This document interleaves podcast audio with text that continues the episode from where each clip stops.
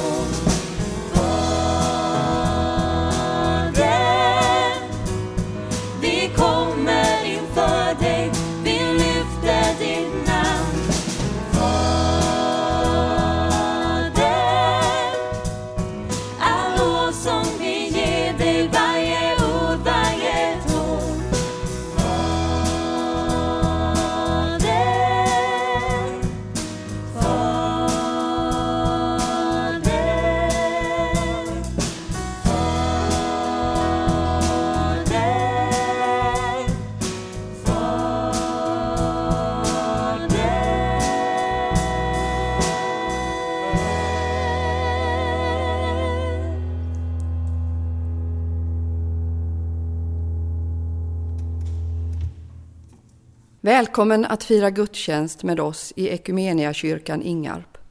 Ni har redan fått lyssna till familjen Ros som kommer att sjunga mer i vår gudstjänst.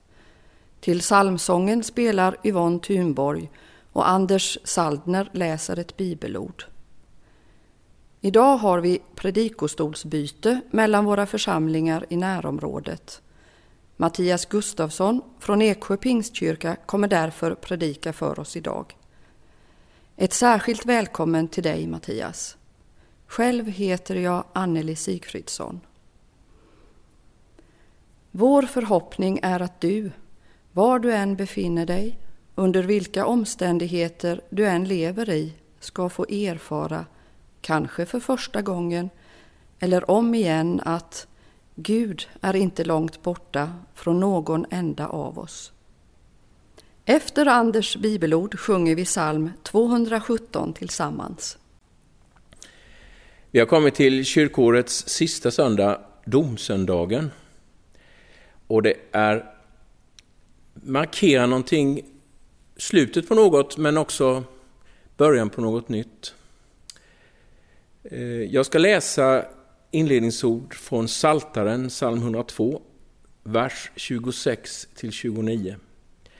Men jag avslutar också med den allra sista meningen i Bibeln som också illustrerar lite grann kanske det som komma skall runt hörnet när vi går in i ett nytt kyrkoår. Hoppet om nåd från Herren Jesus. En gång lade du jordens grund och himlen är ett verk av din hand. Det ska förgås, men du består. Det är plagg som slits ut. Du byter ut dem som kläder och de är borta. Men du är densamme. Dina år har inget slut. Dina tjänares barn ska bo här och deras barn ska leva trygga hos dig.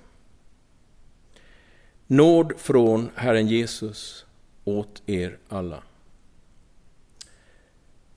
Vi vill tacka dig Herre att du är med oss den här gudstjänsten, som så många gånger förr. Tack att du är med i slutet som i början.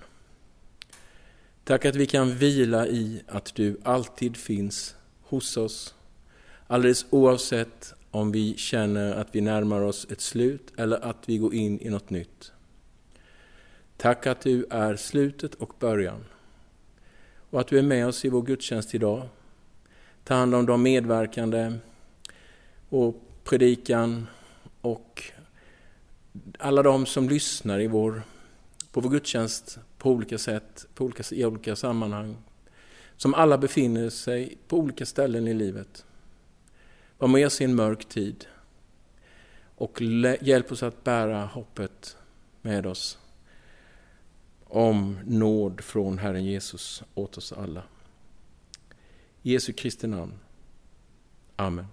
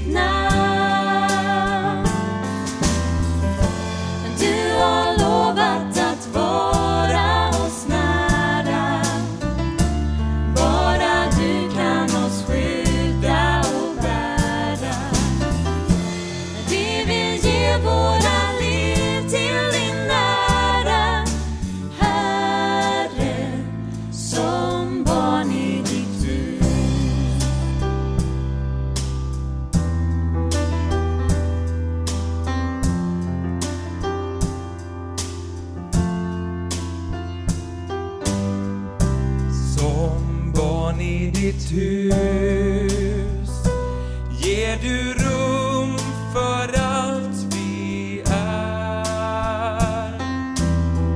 Vi har vår styrka och svaghet, men i allt så finns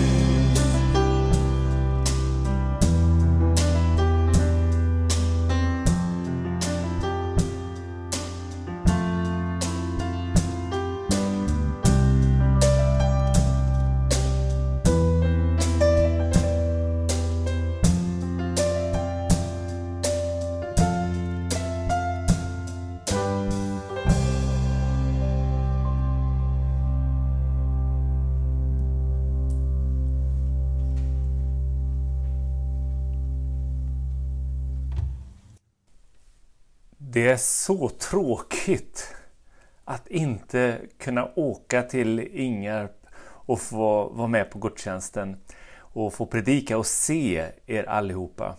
Men det är som det är och jag ser ändå fram emot att få dela Guds ord tillsammans med er. Mattias Gustafsson, pastor i Pingstkyrkan i Eksjö. Och jag, jag är ju frestad i de här tiderna att berätta om mitt stora hårsvall och min ungdom. Men så inser jag ju dels att jag varit här i ganska många år nu, snart tio år i Eksjö. Plus att vi har ju träffats både nu och det då. Och de flesta utav er har jag säkert träffat en och annan gång. Kommer du från utomsocknens så är det ju bara roligt att du är med här också. Men då heter jag ju Mattias som sagt. Eh, pastor i Pingstkyrkan, har eh, en fru Kiki och fyra döttrar Hilda, Klara, Signe och Greta.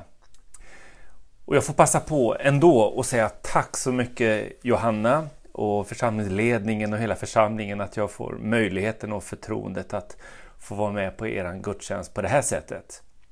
Det är ju lätt i den här tiden att eh, ställa in, att säkra hem, att bara se om sitt eget hus. Så därför så tror jag faktiskt att det här predikobytet som vi som kyrkor och församlingar i Eksjö gör den här, den här söndagen, att det, det har någonting symboliskt värde i sig att vi ändå genomför det, även om det blir på lite speciella sätt. Det markerar att vi inte eh, är oss själva nog utan vi behöver fortsättningsvis också varandra även om vi inte kan göra på liknande sätt som vi skulle vilja göra. Men tack så jättemycket församlingen för förmånen och möjligheten att få dela Guds ord. Jag kommer att fortsätta, eller rättare sagt avsluta Apostlagärningarna tillsammans med er. Jag vet att det har varit predikoserien och Johanna hade en fantastisk predikan förra söndagen om att Gud är med i stormen och ja, lyssna på det.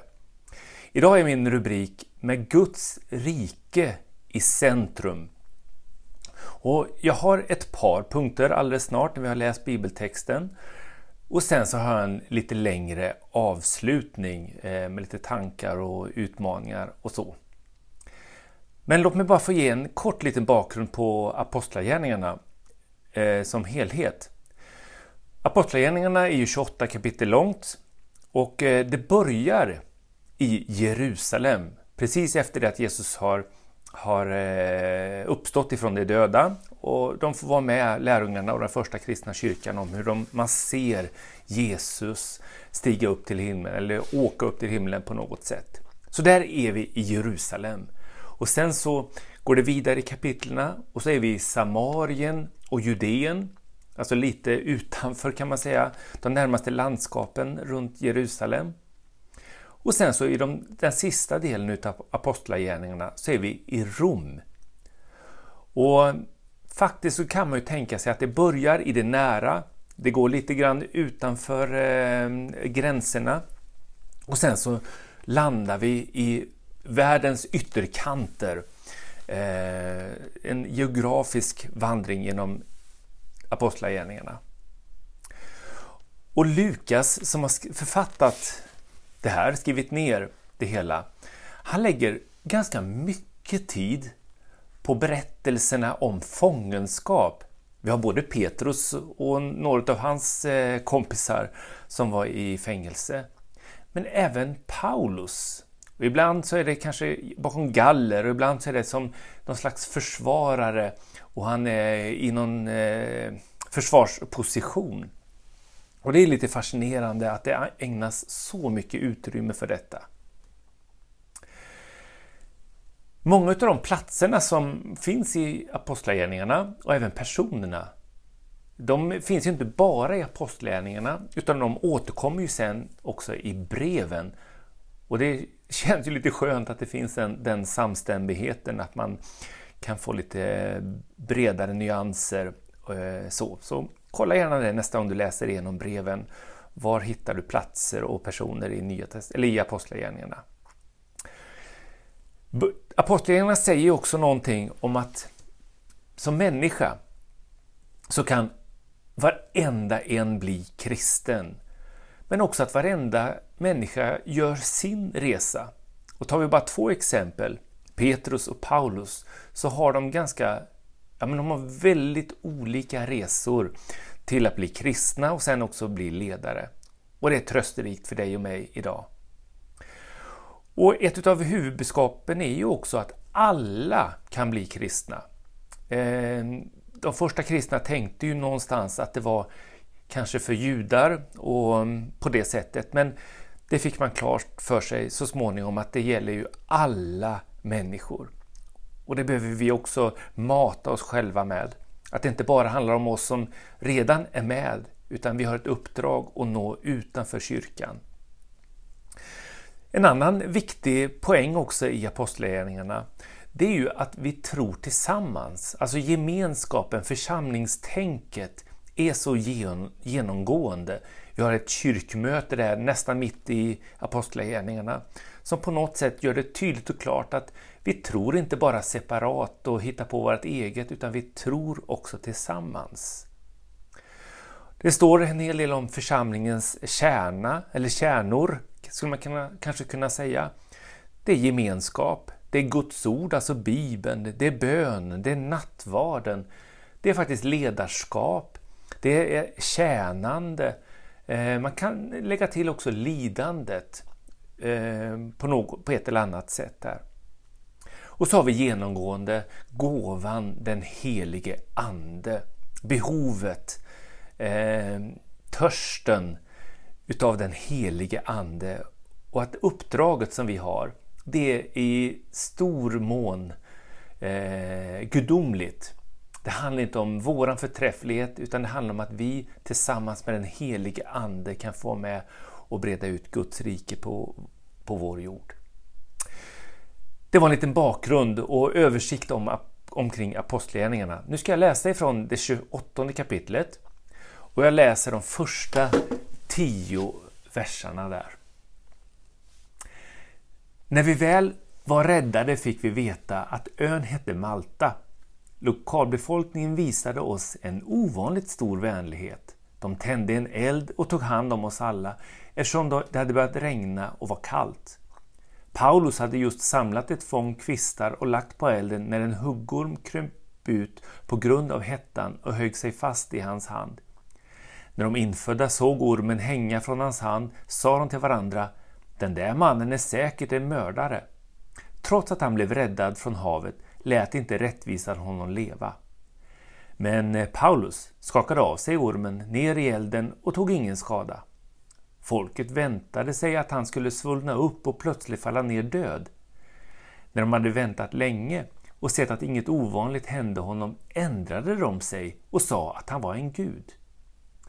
I trakten runt den platsen fanns det lantgårdar som tillhörde Publius, stormannen på ön. Han tog vänligt emot oss som sina gäster i tre dagar. Publius far låg just då sjuk i feber och svår diarré. Paulus gick in till honom och bad och la händerna på honom och botade honom. Efter den händelsen kom också andra sjuka på ön till honom och blev botade. De visade oss sin uppskattning på många sätt och när vi skulle segla försåg de oss med vad vi behövde. Ska vi be tillsammans? Tack Jesus för din närvaro. Tack för att du finns i varje rum, du finns i hjärtan, ja du finns obegränsat hos oss när vi öppnar upp oss för dig Gud. Och nu tackar vi dig för det ord, tackar dig för det som vi har fått lyssna till, läsa tillsammans här Gud. Tack för Paulus exempel och tack för att du vill säga någonting till oss idag i den här gudstjänsten. I Jesu namn lägger jag allting och ber om din tilltal. Amen. Två saker eh, ifrån den här texten och sen så några avslutande tankar. Jag tänker på den upplevelse som Paulus fick vara med om där när han kom dit. Han blev biten, men han blev inte sjuk.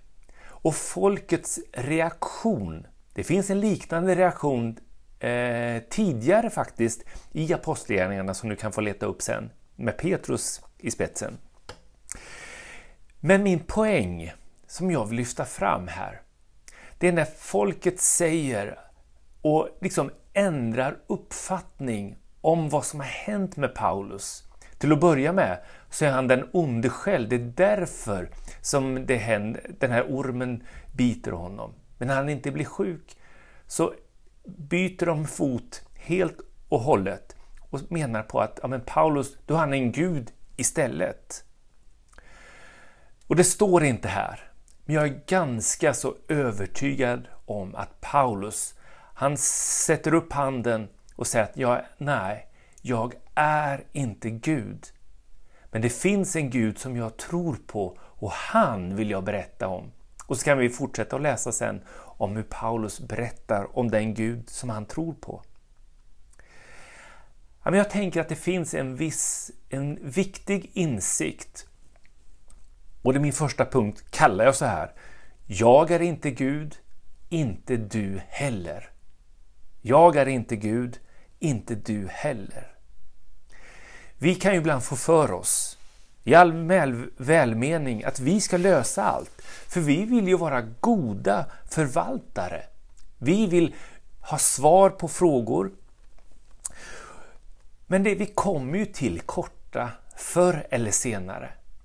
Och det finns en viktig insikt med att våga blanda in Gud ifrån första början i alla lägen. Och Jag tänker att i någon mening så behöver vi faktiskt intala oss själva att vi som människor kan inte rädda våra, våran jord. Det handlar om, om pandemin givetvis, som vi är inne i just nu. Men det handlar ju också om allt det andra som pågår. Det handlar om klimat, om miljö, om rättvisa, om jämställdhet. Ja, du kan ta vilken fråga som helst. Och ibland så tänker vi, även som kristna, att vi ska lösa det. Vi ska uträtta förändringar och så vidare.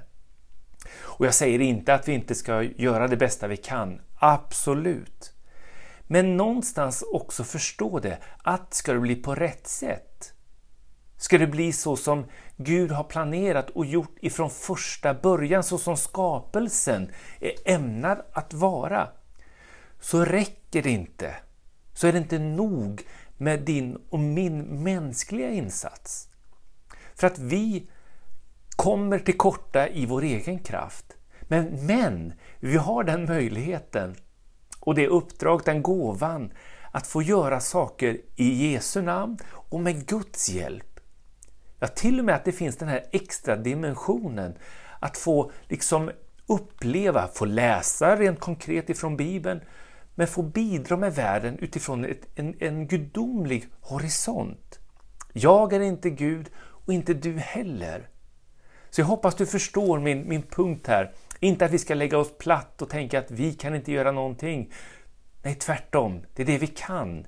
Men vi behöver vara noga med att det är med Guds hjälp och med Guds initiativ och med den bilden som Gud ger oss som vi förändrar vår värld, vår, vår samtid och vår närhet också.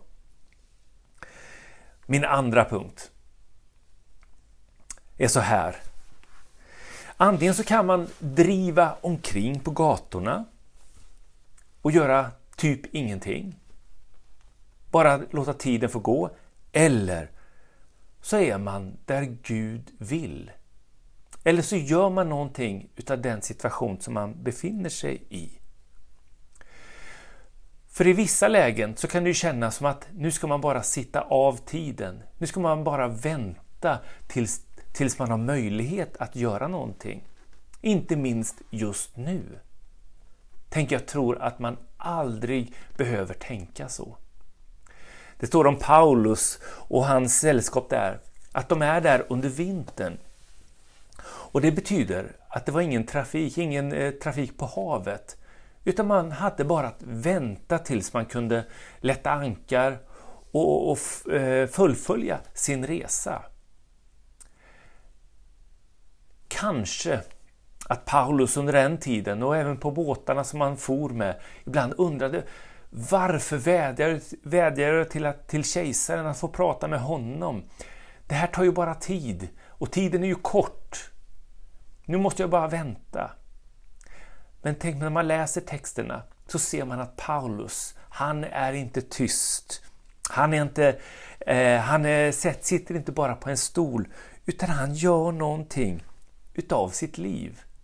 Han är helt enkelt vad man skulle kunna säga, han är kristen på heltid. Även om omständigheterna inte är till hans fördel. Och än en gång, i den här pandemin, den här situationen som vi är i. Frågan är, vad gör jag med mitt liv under den här perioden? Vad gör jag med mitt lärjungaskap? Lärjungaskap kan man ju på något sätt säga, alltså min närhet, mitt lärande utav Jesus själv. Är det på paus? Avvaktar jag till det ska komma till någon skarp situation? Nej, jag kan ju givetvis vara lärjunge nu. Vad gör jag för någon annan? Nej, men säger någon, vi, vi får inte besöka varandra, vi får inte vara fler än så och så. Ja, men jag tror det är fel tänkt. Det finns alltid, inte kryphål, vi ska inte utnyttja situationen på det sättet, men det finns alltid saker som du och jag kan göra för varandra. Det kan vara ett telefonsamtal, det kan vara en matkasse på trappen. Det är bara fantasin som sätter stopp. Så att vi kan göra så otroligt mycket. Gud vill hjälpa oss och leda oss. Det var mina två punkter egentligen. Till avslutning så vill jag säga någonting och rama in det här med Guds rikes tänket, för jag tror det är det som driver Paulus hela tiden. I Apostlagärningarnas första kapitlet, kapitel och i de första verserna så sammanfattas det ju egentligen av Jesus själv där, där han slår fast och där Lukas får med det här att det är Guds rike som är i centrum. Det är alltså det som är själva sammanfattningsordet, Guds rike, varför, hur och så vidare. Alla frågor får någonstans sitt svar genom att svara Guds rike. Och du kan läsa det i fortsättningen utav, utav apostlagärningarna, hur det är Guds rike som man förkunnar och berättar om. Oavsett var man är någonstans, oavsett på vilket sätt man gör det, så är det Guds rike som är själva utgångspunkten.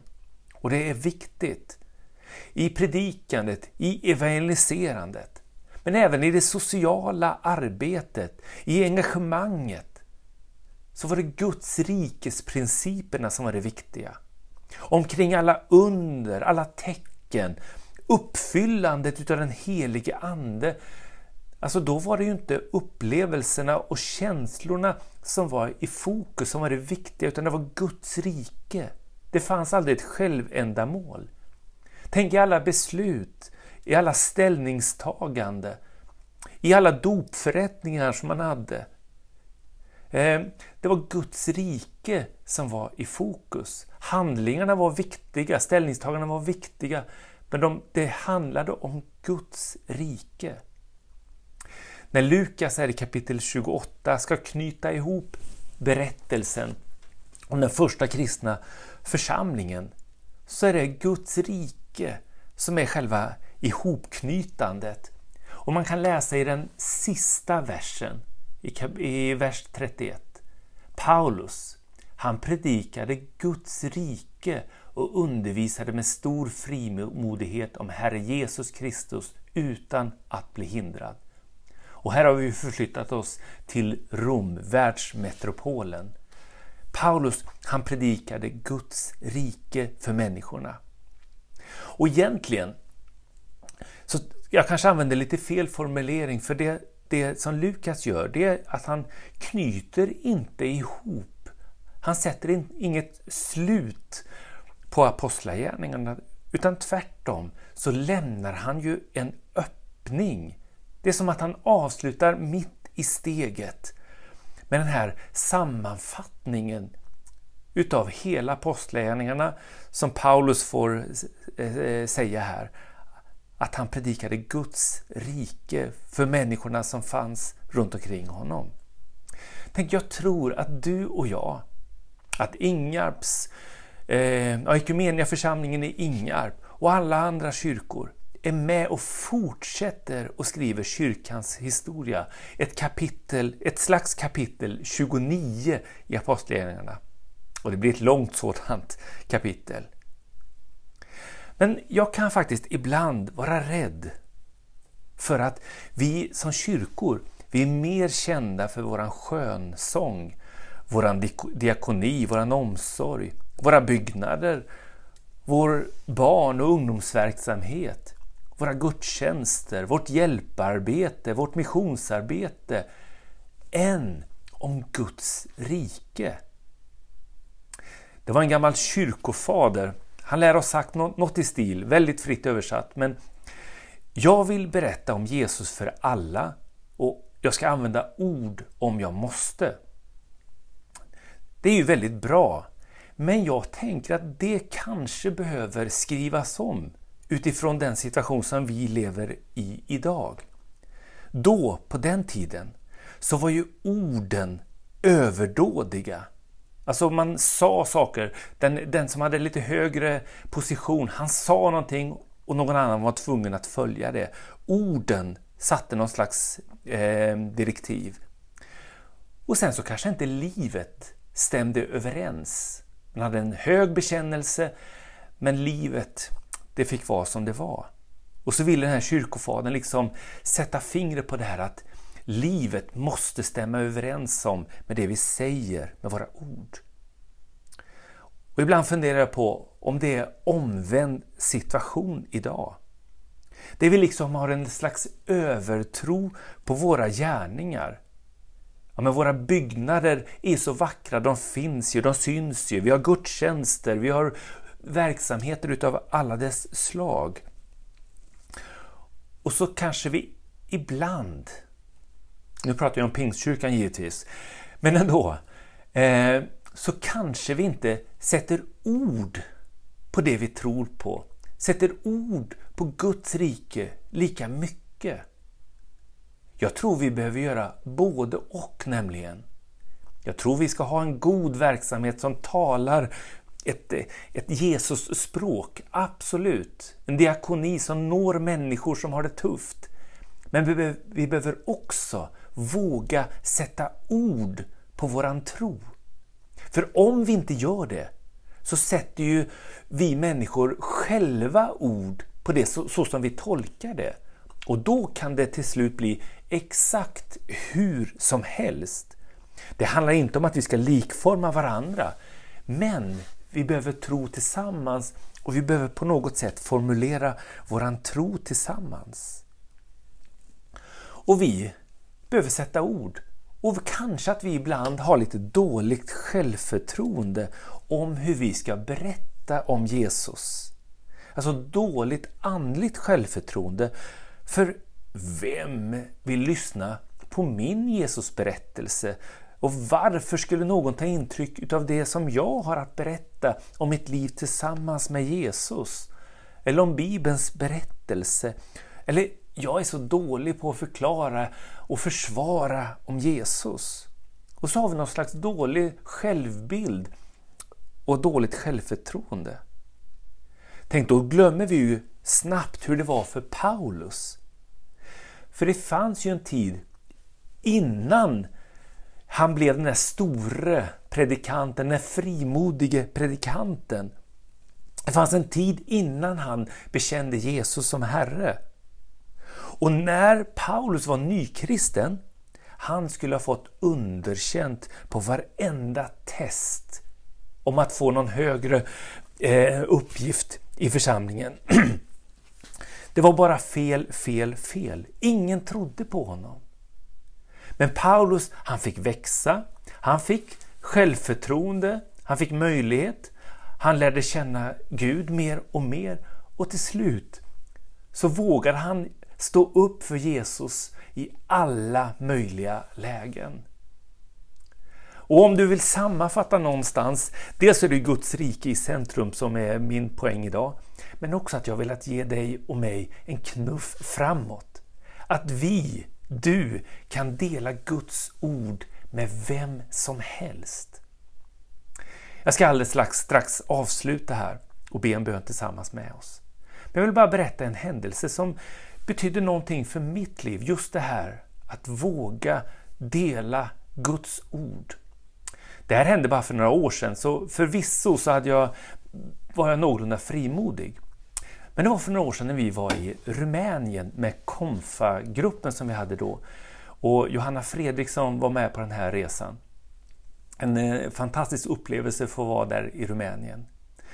Men vid en av samlingarna så hade jag lovat att jag skulle undervisa och tala. Och jag tog för givet att den här, det här passet det skulle översättas ifrån svenska till rumänska. Men strax innan, jag tror faktiskt det var inte mer än en halvtimme, så fick jag veta att nej, du ska prata på engelska och så kommer en att översätta från engelska till rumänska.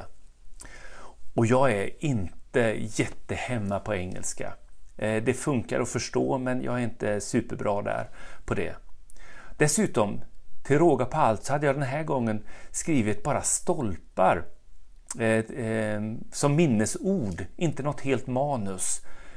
Eh, så jag gick faktiskt till Johanna och, och, sa som läget var och sa till Johanna att kan inte du snabbt hoppa in och ta och undervisa någonting ikväll? Jag är så dålig på engelska. Vet ni vad Johanna sa då? Hon sa nej. Hon sa att äh, det fixar du Mattias. Hopp. Jag gick, vet jag, jag gick ut och satte mig i våran lilla buss där och försökte att förbereda mig så gott det gick och tänka till om det var något speciellt engelskt ord som jag behövde använda och sådär. Och sen så ställde jag mig där och undervisade på engelska för första gången. Det var en knuff framåt. Sen dess har jag faktiskt gjort det vid flera tillfällen.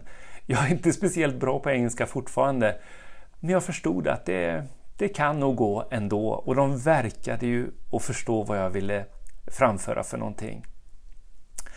Eh, jag vill uppmuntra dig och mig att ta ett steg framåt. Att tro att vi kan förmedla Guds rike till människor runt omkring oss. Jag tänker att vår värld behöver inte bara tröst och en kram i de här tiderna. Vår värld, din och min närmaste värld, behöver ett Gudsrikes perspektiv. Och vem ska de höra den berättelsen ifrån om inte ifrån dig och mig?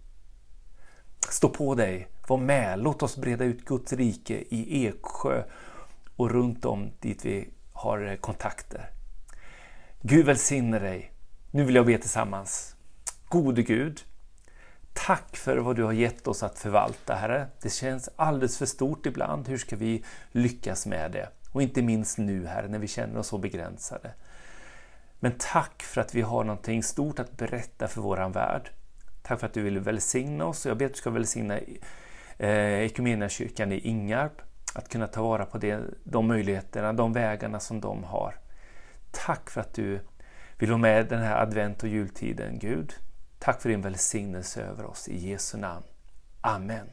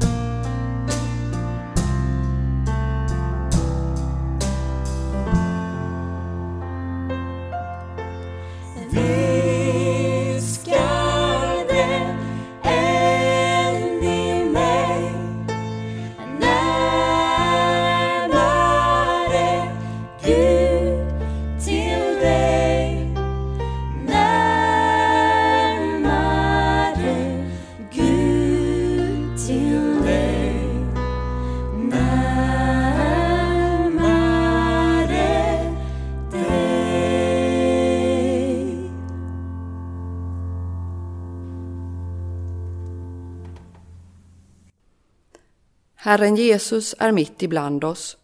I hans namn vill vi be. Herre, du ensam ger liv och liv i överflöd.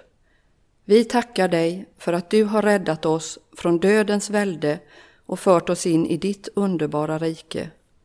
Fyll oss med din ande så att vi i våra liv blir ett tecken på Faderns kärlek. Amen.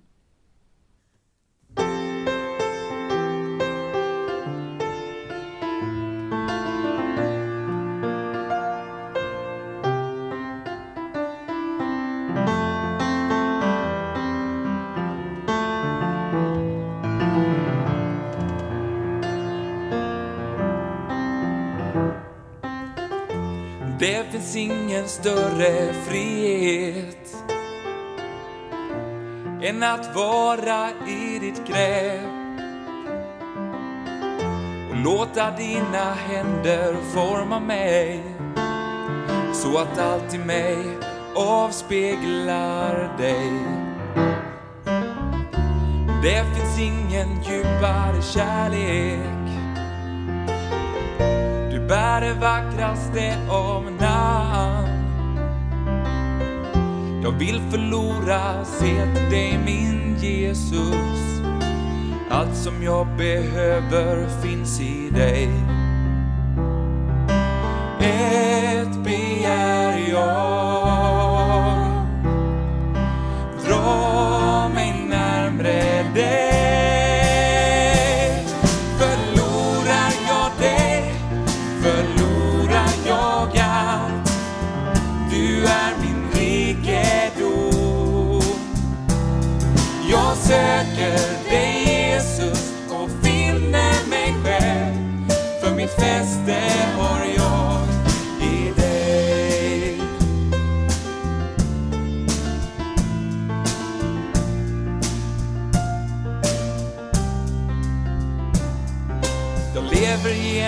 Dig, du är min räddning. Tack för nåd som aldrig tar slut. Men Jesus hjälp mig att hålla blicken fäst vid dig. Och låt detta vara min längtan livet ut. Ett begär jag Dra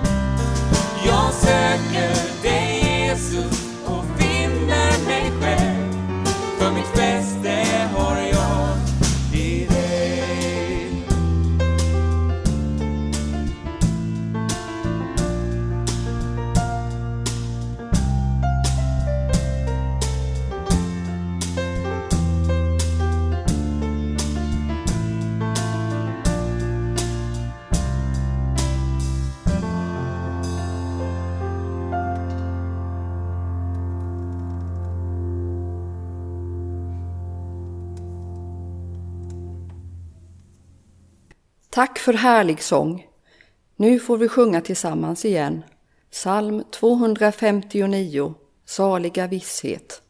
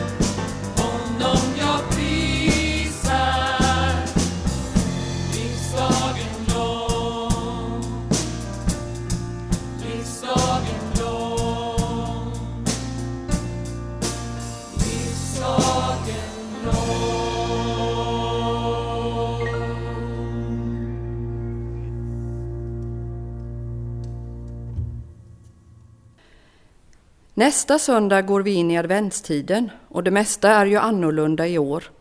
Vi kommer fortsätta att spela in våra gudstjänster och nästa söndag får vi lyssna till barnkören och Mattias Levander som predikar. Under veckan kommer mer information om advent och jul. Man kan alltid besöka församlingens hemsida och Facebook för uppdateringar. Samtidigt kvarstår ju våra ekonomiska åtaganden så vi är tacksamma för din gåva. Det går bra att swisha till nummer 123 298 0282. Kyrkan är öppen så man kan använda sitt bankkort i gåvomaten om man har vägarna förbi. Tack än en gång. Efter gudstjänsten idag blir det lite kyrkkaffeprat med Ingemar och Daniel, så stanna gärna kvar och lyssna. Nu sjunger vi psalm 832.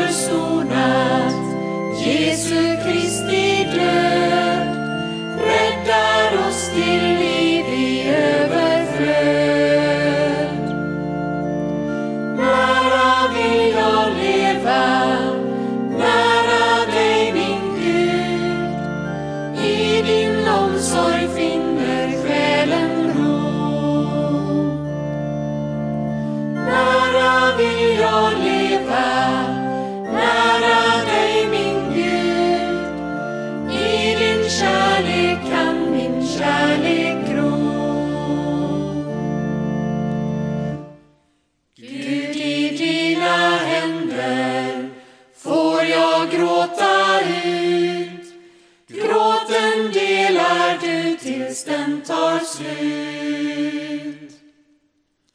Gud, du känner ondskan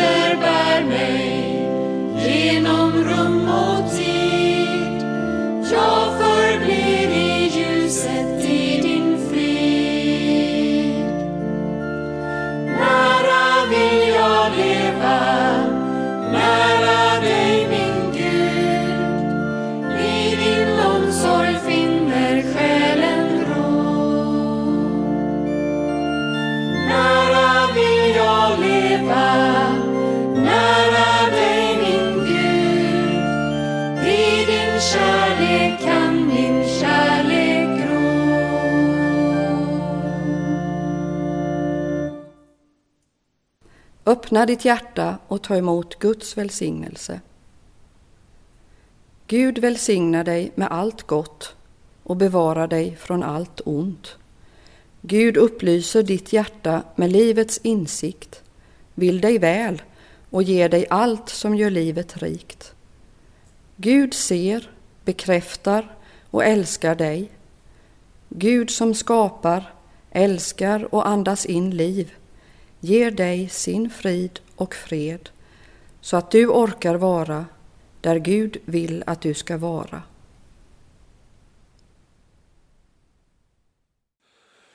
Ja, hej och välkomna till Y- Enkelt kyrkkaffe så här efter gudstjänsten. Eh, och jag sitter här i källaren i eh, Missionskyrkan, nej, Ekumeniakyrkan i Ingarp eh, tillsammans med eh, min gode vän Ingmar. Välkommen hit Ingmar! Tack så mycket. Vi har ju fått till en rätt fin liten studio får vi väl kalla det för här nere i källaren där vi kan spela in poddar och annat.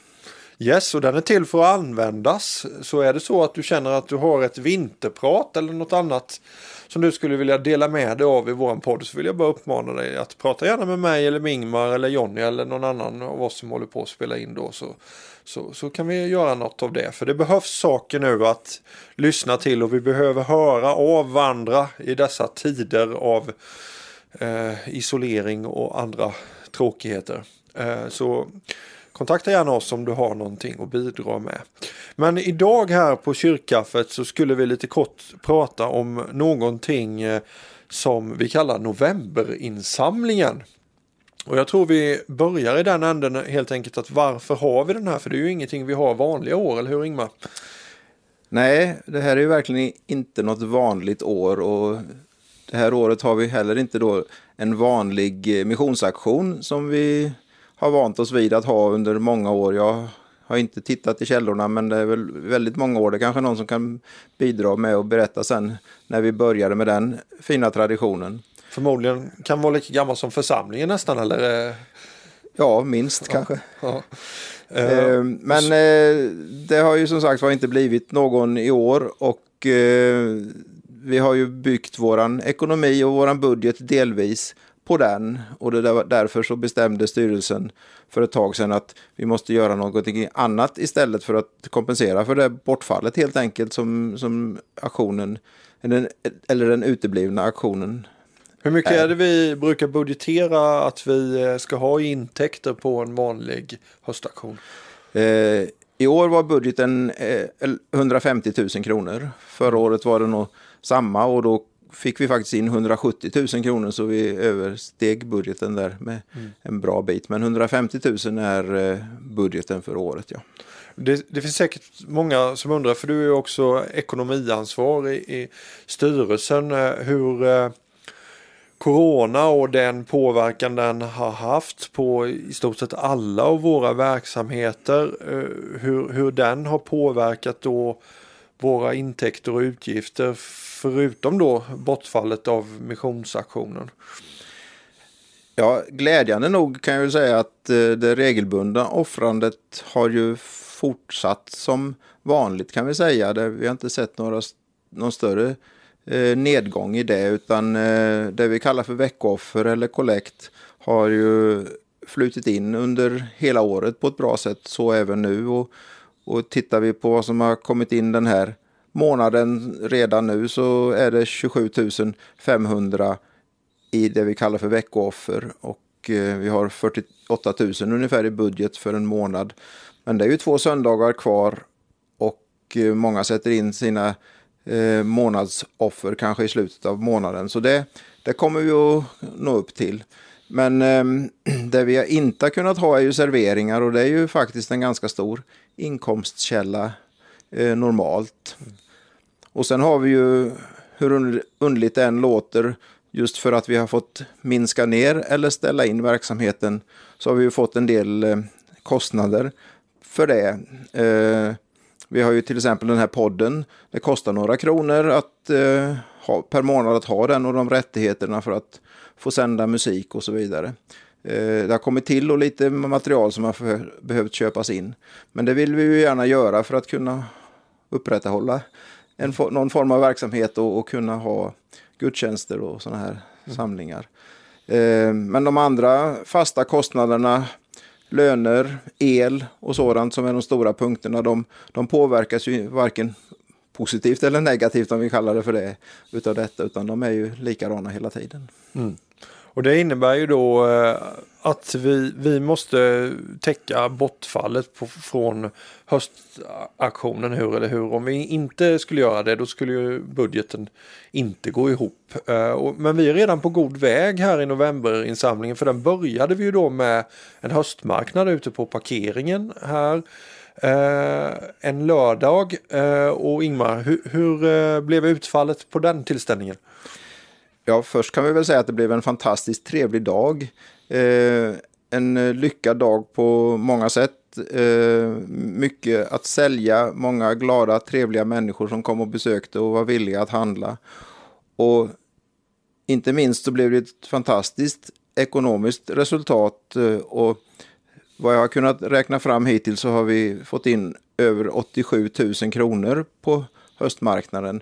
Och det tror jag är mer än någon hade vågat hoppas på, men det är ju riktigt bra. Det är riktigt bra. Och sen då har vi uppmanat till att novemberinsamling, den, den fortgår. Visst är det så? Ja, november är ju 30 dagar långt som vanligt och novemberinsamlingen pågår hela november och det här var ju en del av novemberinsamlingen. Vi, vi har ju uppmanat och uppmanar fortfarande till att eh, ge en extra gåva utöver det ordinarie eh, givandet som då motsvarar det vi brukar få in i aktionen. Ja. Och eh, för att vi ska vara nöjda med novemberinsamlingen, hur mycket är det som återstår nu då? Ja, jag sa ju att vi har fått in 87 000 drygt på eh, höstmarknaden och direkt insatta um, pengar är 21 400. Så att totalt har novemberinsamlingen hittills gett nästan 109 000 kronor och räknar vi lite snabbt där så ser vi att det fattas 41 000 för att nå upp till eh, den budgeterade intäkten som, som återigen som missionsaktionen var. Mm. Så det är det vi har att med glädje offra till eh, här nu under återstoden av november månad för att vi ska nå i mål där och vara fullt ut nöjda då tänker jag. Om man nu känner att ja, men jag vill bidra till det här, hur gör man då? Ja, det är de vanliga vägarna. Swish går alldeles utmärkt. Bankgiro går alldeles utmärkt. Eller sätt- sätta in på bankkontot. Och de uppgifterna tror jag inte jag rabblar här nu. Utan eh, de finns på programbladet och de finns på församlingens hemsida. Eh, så att eh, använd de vanliga kanalerna. Skriv gärna november. Så kan vi särredovisa det så vi ser att det är just novemberinsamlingen de pengarna avser. Och inte om jag säger eh, inom citationstecken då det vanliga veckooffergivandet. Okej, men eh, då eh, tar vi upp telefonerna och tar i lite här eh, de sista veckorna tycker jag så, så ska vi nå det målet också. Ehm, är det något mer kring församlingens ekonomi eller de delar som vi ska dela Ingmar nu när vi har chansen här? Ja, det är ju ett väldigt fascinerande och intressant ämne, men jag tror inte jag ska trötta oss med mera siffror här nu, utan eh, bara säga att vi är väldigt glada över att eh, så många vill vara med och bidra till eh, den fantastiska verksamheten som vi har och den verksamheten som trots allt fortgår, om än i någon annorlunda form än vanligt. Så att eh, det känns väldigt positivt och roligt att, eh, att få sitta i den här rollen som ekonomiansvarig och, och se hur många som vill vara, vara med och bidra. Ja, och därmed är vi klara för den här gången härifrån Ekumeniakyrkan i Ingarp. Och jag och Ingmar tackar för oss och eh, hoppas att vi ska höras igen inom kort i någon form här i någon av våra poddar i Ekumeniakyrkan. Tack för nu!